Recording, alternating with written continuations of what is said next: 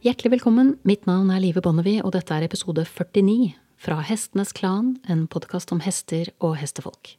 Dagens gjest er dr. Andrew MacLean. Han er zoolog og administrerende direktør i Equitation Science International. Han startet sin karriere som konkurranserytter, men ønsket å bli en bedre trener.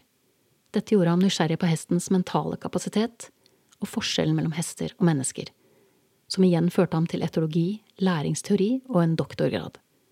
Så begynte han å studere relasjonen mellom hest og rytter, og det ledet ham til tilknytningsteori, før han samlet alt under ett felt – hestevelferd, eller dyrevelferd, for å være mer presis. Den korte versjonen er at han mener vi både kan og vet bedre i dag.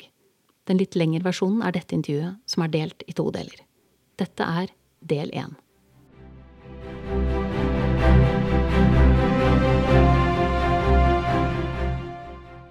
Vi har mye til felles med hestene, men det er mer interessant å se på områdene der vi er forskjellige. Og den mest vesentlige forskjellen mellom oss og hestene er selvfølgelig det trekket som gjør oss til mennesker. Vår evne til å tenke oss fram til løsninger på komplekse problemstillinger. Vi er ikke særlig raske, eller særlig sterke fra naturens side, men vi har kompensert med å være smarte. Vi har kunnet hente fram tidlige erfaringer fra hukommelsen for deretter å bruke fantasien til å visualisere hvordan vi kan løse ting annerledes i fremtiden. Dette unike trekket har gjort oss i stand til å tenke oss fram til hvordan ulike valg og løsninger vil spille ut, og hvilke konsekvenser de vil medføre. Disse prosessene finner sted i den delen av hjernen vi kaller for prefrontal cortex.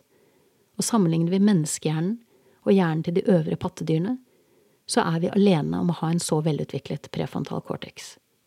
Spørsmålet er hvor mye glede dagens hester har av intelligensen vi er så stolte av. Klarer vi egentlig å tilby dem et trygt og godt liv? Og hvor ofte står tradisjoner, myter og antagelser i veien for å sikre god velferd? Altfor ofte, dessverre. Vi kaller det antropomorfisme når vi tillegger hesten menneskelige egenskaper og forventer at den oppfatter og forstår ting på samme måte som oss. Men det gjør den altså ikke. Og det at vi antar at hesten vet, eller mener at den burde vite, ting som er utenfor dens fatteevne, er en betydelig utfordring med tanke på å sikre hesten best mulig velferd. Resultatet av denne feilaktige antagelsen er dessverre ofte at hesten blir straffet uten at den er i stand til å forstå hvorfor. Så hvordan tenker, opererer og lærer hesten? Hesten har en hukommelse som langt overgår vår. Vi kan ikke gjengi hvordan rommene og stedene vi besøkte i går, i forgårs eller for en uke siden så ut, men hesten har tilnærmet fotografisk minne og kan oppdage det minste avvik. Hadde hesten bodd i våre hus, ville den kunnet oppdage om en pute var flyttet noen centimeter, om en stol sto litt til høyre, om en klut var hengt litt annerledes, eller om en potteplante hadde fått klippet av tørre blader. Dette og hundrevis av andre detaljer vi er helt blinde for, går rett inn på radaren til hesten med store bokstaver. Hesten har plass til alle disse detaljene, fordi den i motsetning til oss ikke reflekterer over det den ser, noe vi knapt er i stand til å unngå selv om vi forsøker. For det er ikke tilfeldig at vi reflekterer over det vi ser, mens hesten ikke gjør det. Refleksjonen kommer nemlig til en pris. Vi ødelegger og skitner til minnene våre hver gang vi henter dem fram og tenker gjennom dem på nytt. Hesten derimot bevarer minnene gullende rene, akkurat slik de var, og han oppdaterer dem hele tiden. Det er evolusjonen som har gitt hesten sin superkraft, akkurat som det er evolusjonen som har gitt oss vår. Men fordi hesten ikke er i stand til å resonnere slik vi er, så vil en hest som for eksempel ser en ponni for første gang, være helt ute av stand til å konkludere med at den er som meg, bare mindre. Og der vi fort slår oss til ro med at det vi ser ligner en liten hest, vil hesten nøye seg med å konkludere med at det der har jeg aldri sett før, ergo må jeg komme meg unna så fort som overhodet mulig. Denne måten å reagere på har ført til en utbredt misforståelse om at hester ikke er i stand til å generalisere, men det er de selvsagt, hvis de får kontekst og tid. Mens vi lett kan gå på to ulike busser fordi vi gjenkjenner det som samme type transportmiddel, vil hesten, som har lært å gå inn på én henger, anse den neste hengeren som noe helt nytt. Den tredje hengeren er til gjengjeld enklere, og den fjerde enda enklere. Og når hesten har vært lastet på en femte henger, tikker gjerne polletten ned. Det er rundt dette punktet hesten innser at den er i stand til å gå rett på alle slags hengere. Så etter rundt fem eksponeringer har hesten normalt knekket koden, forutsatt at konteksten ikke er for ulik. Er den det, tar det mer tid. Hvis hesten lastes av samme person på samme sted, men på ulike hengere, er det enklere for hesten enn hvis det er ulike personer som står for lastingen og selve lastingen foregår på ulike steder. Dette er grunnen til at rutinerte hestetrenere trener inn en krevende øvelse som piaff, på et spesifikt sted på banen, og er svært nøye med å gjøre opptakten til gjennomføringen av øvelsen så lik som mulig hver gang, inntil hesten har lært hvordan en piaff utføres. Først da kan man innføre andre rammer, eller be om piaff andre steder på banen. Det handler om å gjøre det så enkelt som mulig for hesten å forstå. Hvis du ber om samme øvelse på ulike steder i tidlig fase av innlæringen, vil hesten trenge mye mer tid til å lære øvelsen. Det er også verdt å notere seg at hestens høyre øye er knyttet til venstre hjernehalvdel, så det er gjennom høyre øye venstre hjernehalvdel mottar all informasjon, og vice versa. Dette gjelder alle pattedyr. Det kan være verdt å merke seg at pattedyr foretrekker å se det de kjenner gjennom venstre øye, mens de gjerne vender høyre øye mot objekter, folk eller dyr som gjør dem utrygge eller usikre. Dermed er det kanskje ikke tilfeldig at man i alle kulturer over hele verden nærmer seg hesten fra nettopp venstre side. Det handler ikke om hvorvidt vi er høyrehendte eller ikke, ei heller om at vi pleide å stige opp fra venstre side fordi vi hadde et sverd i gamle dager, som er en av flere myter som brukes som forklaringsmodell. Vi stiger opp fra den siden som utløser minst frykt hos hesten.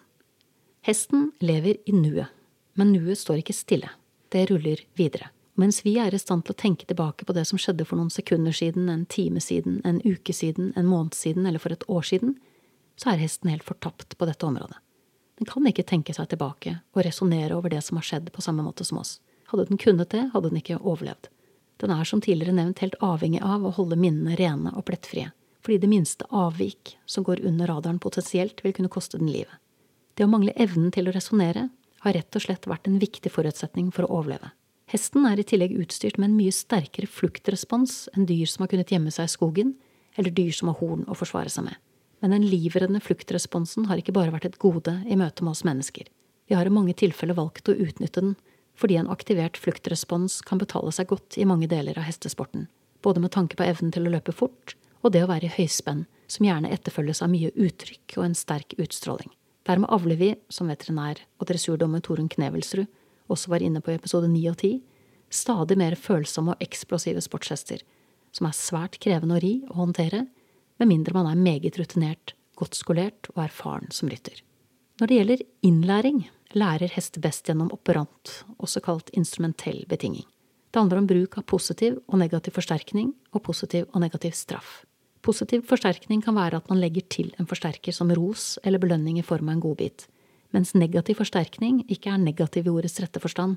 Det innebærer derimot at man trekker fra en forsterker, for eksempel letter på en skjenkel som er lagt til, eller gir etter på tøylen når hesten responderer. Dette er også kjent som press og ettergift. Bruk av forsterkere er svært effektive innganger når man ønsker å lære en hest noe, forutsatt at timingen er god. Skal hesten få gode muligheter til å forstå og lære, så er det helt avgjørende at forsterkeren kommer til rett tid, vil si i samme øyeblikk som hesten svarer med ønsket respons ideelt sett idet hesten er i ferd med å svare riktig. Positiv forsterkning gjennom godbiter er svært kraftfullt, men timingen kan være veldig krevende. Derfor er det mange som bruker klikker eller en unik og kort stemmekommando. Når man kobler på en lyd, er målet å lære hesten at klikkeren eller den gitte stemmekommandoen er forbundet med godbiten. Det gjør det enklere for hesten å lære fordi timingen blir mer presis fra vår side. Vi kan også bruke taktil forsterkning, for eksempel kan vi belønne hesten ved å klø den ved manken. Det er en mindre effektiv form for forsterkning enn godbiter, men den tilfører til gjengjeld noe som er mer verdifullt for hesten enn godsaker. Det tilfører tilknytning, altså utviklingen av nære, følelsesmessige bånd mellom to individer. Og ettersom hesten er skapt for et liv fullt av berøring, har det å klø en hest en fysiologisk respons godbiter ikke har. Det senker hjertefrekvensen og utløser velvære, men forutsetter altså en langsommere progresjon enn trening ved hjelp av godbiter.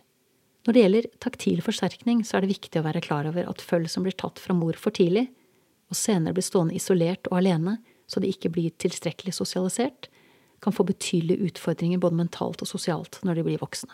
Det kan gjøre den voksne hesten usikker og ute av stand til å håndtere fysisk kontakt på en naturlig måte. Andrew anbefaler derfor at hvis du har en hest som motsetter seg å bli klødd, så bør du prøve å fortsette å klø den ved manken til du utløser hestens naturlige svar, som er at mulen begynner å bevege seg som om hesten forsøker å klø tilbake. Hans tese er at du over tid kan hjelpe hesten med å reparere det som har blitt skadd, men jeg tenker at du skal være varsom så du ikke krysser grenser hos hesten.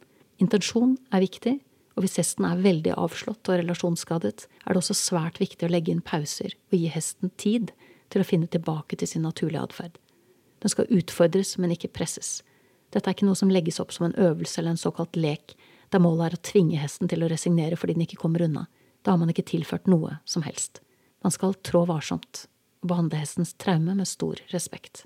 Andrew opplever i forlengelsen av dette taktile behovet som hester har, at folk fjerner gitteret mellom boksene i stallen hvis det er mulig, så hestene har muligheten til å berøre hverandre.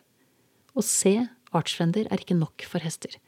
De trenger å kunne komme i kontakt med hverandre, og de er fra naturens side skapt til å komme overens. Når det gjelder bruk av negativ forsterkning, gir det også resultater, men ved å bruke positiv forsterkning kommer resultatene ofte raskere, og hesten blir tryggere og sikrere. Positiv forsterkning kan også bidra til å gjøre et sted eller en situasjon hesten opplever som negativ, til et sted eller en situasjon som oppleves som positiv, og for et byttedyr er dette en svært viktig kvalitet. Det er selvsagt mulig å lære en hest å laste på hengeren ved å bruke negativ forsterkning i form av press og ettergift, men skal hesten få en positiv opplevelse knyttet til transport, da trenger den en positiv forsterkning. Å implementere det som kalles positiv straff, som betyr at straff tilføres, er noe man må være svært forsiktig med.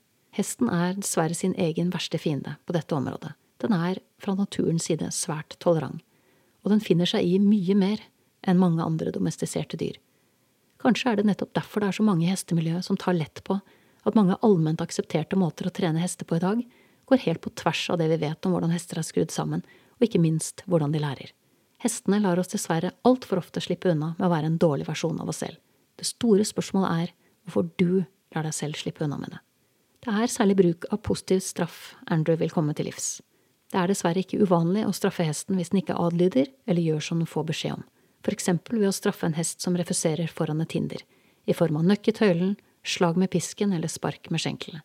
Det er særlig betenkelig at FEI fortsatt tillater bruk av pisk i flere land, selv om vi vet at straff ikke har noen effekt med tanke på å hjelpe hesten til å forstå hva den har gjort feil. Den blir mer skremt, og dermed ofte lettere på foten, men den lærer ingenting. I Australia er det for eksempel fortsatt tillatt å bruke pisk på galopphester, og selv om det er sterke krefter som prøver å avvikle praksisen, blant annet ved å peke på norsk galoppsport, har det vist seg utfordrende. Dette er et stort paradoks, ettersom pisken i galoppløp typisk tas i bruk på oppløpssiden når hesten egentlig ikke har mer å gi så du straffer i realiteten hesten for at den gjør akkurat det du har bedt den om, å løpe så fort den kan.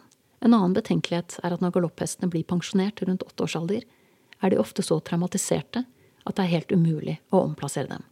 Positiv straff, som eksempel å legge til et piskeslag, trigger hestens fluktrespons, så en hest som har fått seg en smekk med pisken, har gjerne et større fremad, og innenfor mange konkurransegrener kan denne kvaliteten faktisk gi ekvipasjen et fortrinn. Og det er dette som er kjernen i denne episoden at det er på høy tid at vi setter ord på at det må anses som helt uakseptabelt at vi fortsatt er komfortable med å bruke hestens fluktrespons og dens grenseløse toleranse som et våpen mot den. Hesten er et tilgivende, samarbeidende dyr med høy grad av sosial intelligens, og den tar sjelden igjen med samme mynt når noen behandler den dårlig eller urettferdig. Mens spekkhuggere som opptrer i akvarium, eller elefanter som brukes til fysisk arbeid, kan bygge opp så mye sinne og frustrasjon at de angriper og tar livet av treneren sin, ser man sjelden slik respons hos hester. Man kan for all del se atferd som tolkes som aggressiv, men som egentlig er defensiv atferd knyttet til selvopprettholdelse i form av biting og sparking. Og da typisk som følge av at kortisolnivåene, som på folkemunne kalles stresshormon, er forhøyet. Dette kan i verste fall utvikle seg til å bli en kronisk tilstand, og den er dessverre så godt som alltid en konsekvens av hvordan vi holder hestene våre. Men i og med at de fleste hester har lært at biting og sparking er strengt forbudt og typisk forbundet med mer straff, er tillært hjelpeløshet og resignasjon mye mer utbredt. Dette blir ikke mindre problematisk når vi vet at stresshormonet på avveie fremmer nettopp den atferden vi ikke ønsker oss.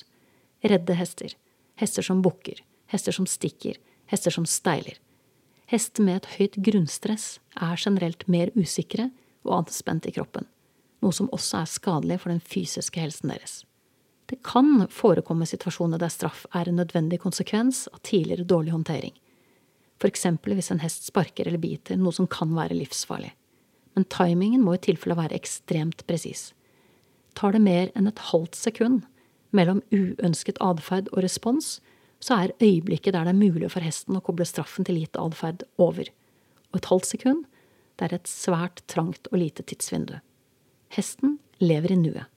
Og i motsetning til oss kan de ikke spole tiden tilbake og resonnere over det som nettopp skjedde. Hester trenger på godt og vondt verken kurs i mindfulness eller guruer som forteller dem hvordan de skal leve med tilstedeværelse. Det ligger nedfelt i deres natur. Et annet kjent problem med bruk av straff er at straffen hesten får, ofte ikke står i forhold til det den gjorde feil. Det er fort gjort å straffe hesten for hardt, for lenge eller for mye, hvis man først velger å gå i den retningen. Det er også fort gjort å glemme at hesten ikke er den eneste taperen i relasjonen. Du lærer ikke noe av piskeslaget, du heller. Ikke bare skader du relasjonen mellom deg og hesten din, du skader også hestens relasjon til mennesker generelt, og ikke minst påvirker du hvordan den takler seg selv og livet sitt. Dette er det forsket mye på. Hester som straffes, blir mer forvirret og mer usikre, både på hva som er forventet og hva som er riktig å gjøre. Det samme ser vi hos barn.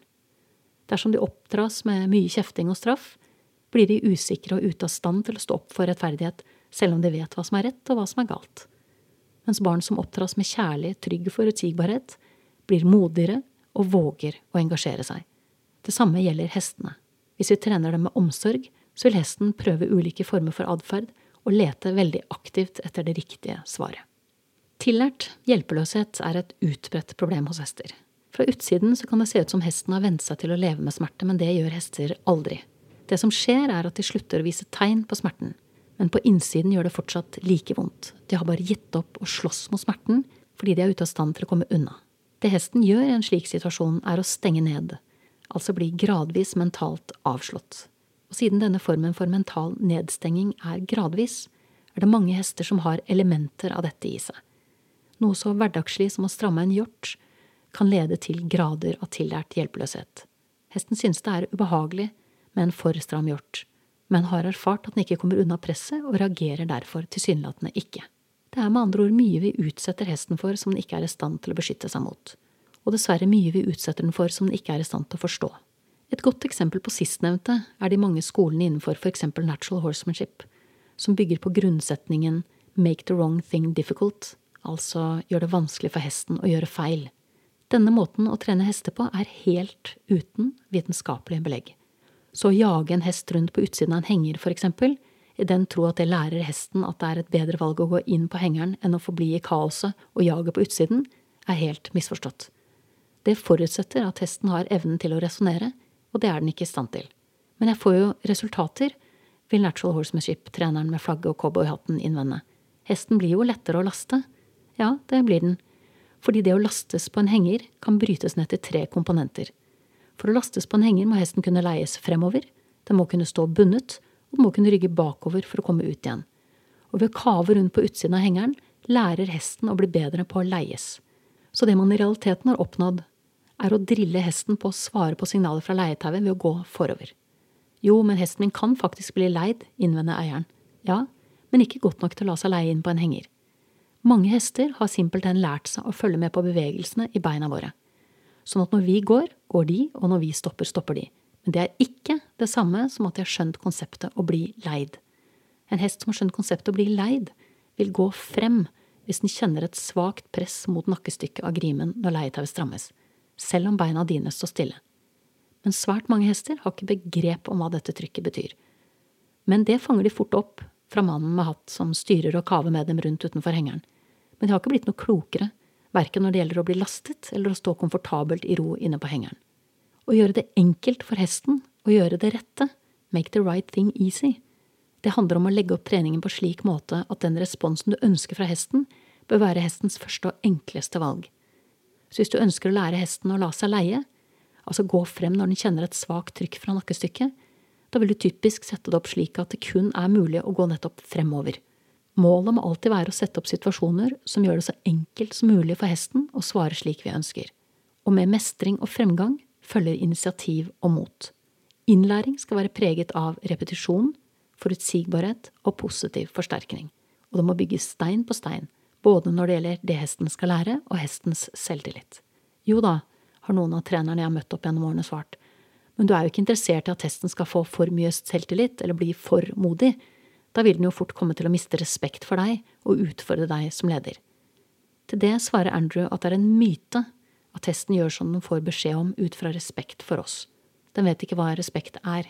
Hesten handler ut fra hvilke vaner som er etablert gjennom treningen. Altså hvilken respons som er innarbeidet for et gitt signal, og Andrew legger til at det selvfølgelig er umulig å gjøre et fluktdyr for modig. Vitenskapen som tar for seg psykologi blant dyr, er relativt ung, kun omtrent 70 år gammel, men vi har hatt hester i vår tjeneste i mer enn 5000 år, og vi har dessverre tatt med oss en betydelig bagasje fra denne reisen. En tung koffert full av tradisjoner, myter og antagelser, men dette er ikke noe vi trenger å ta med oss videre. Hesten er redd for en million ting, og det er ikke noe mål at den skal behøve å være redd for oss. Det finnes i dag ingen unnskyldning for ikke å tilegne seg reell kunnskap om hva en hest faktisk er, hvordan den opererer og hvordan den lærer. Tvert imot. Det bør anses som en forpliktelse for ethvert menneske som har med hester å gjøre. Når det gjelder hester, er det mye vi har tatt feil av fordi vi ikke har visst bedre. Men det finnes ikke lenger noen akseptabel unnskyldning for å tviholde på tradisjoner, myter og misforståelser. Ikke for en art som vår, som fikk intelligens utdelt som sin superkraft. Du har nettopp hørt episode 49 og del 1 av intervjuet med dr. Andrew MacLean. Del 2 kommer til fast tid neste mandag klokken 06.00, og der er temaet teorien om dominans og underkastelse. Det kan være greit å notere seg at den eneste formen for dominans som kommer til uttrykk i en hesteflokk, er det vi kaller bilateral dominans. Det er med andre ord ikke snakk om et fastlåst hierarki, men mer en flytende mosaikk. Kort sagt så kan det se ut som vi har basert mange av våre treningsteorier på helt feil grunnlag. Jeg anbefaler ellers på det varmeste at du hører det originale intervjuet med dr. Andrew MacLean på min engelske søsterpodkast Clan of the Horses. Å lære rett fra kilden er alltid best. Da gjenstår det bare for meg å takke min faste komponist Fredrik Blom, min begavede gjest dr. Andrew MacLean, og sist, men ikke minst vil jeg takke deg, kjære lytter, for tålmodigheten. Måtte hesten for alltid være med deg.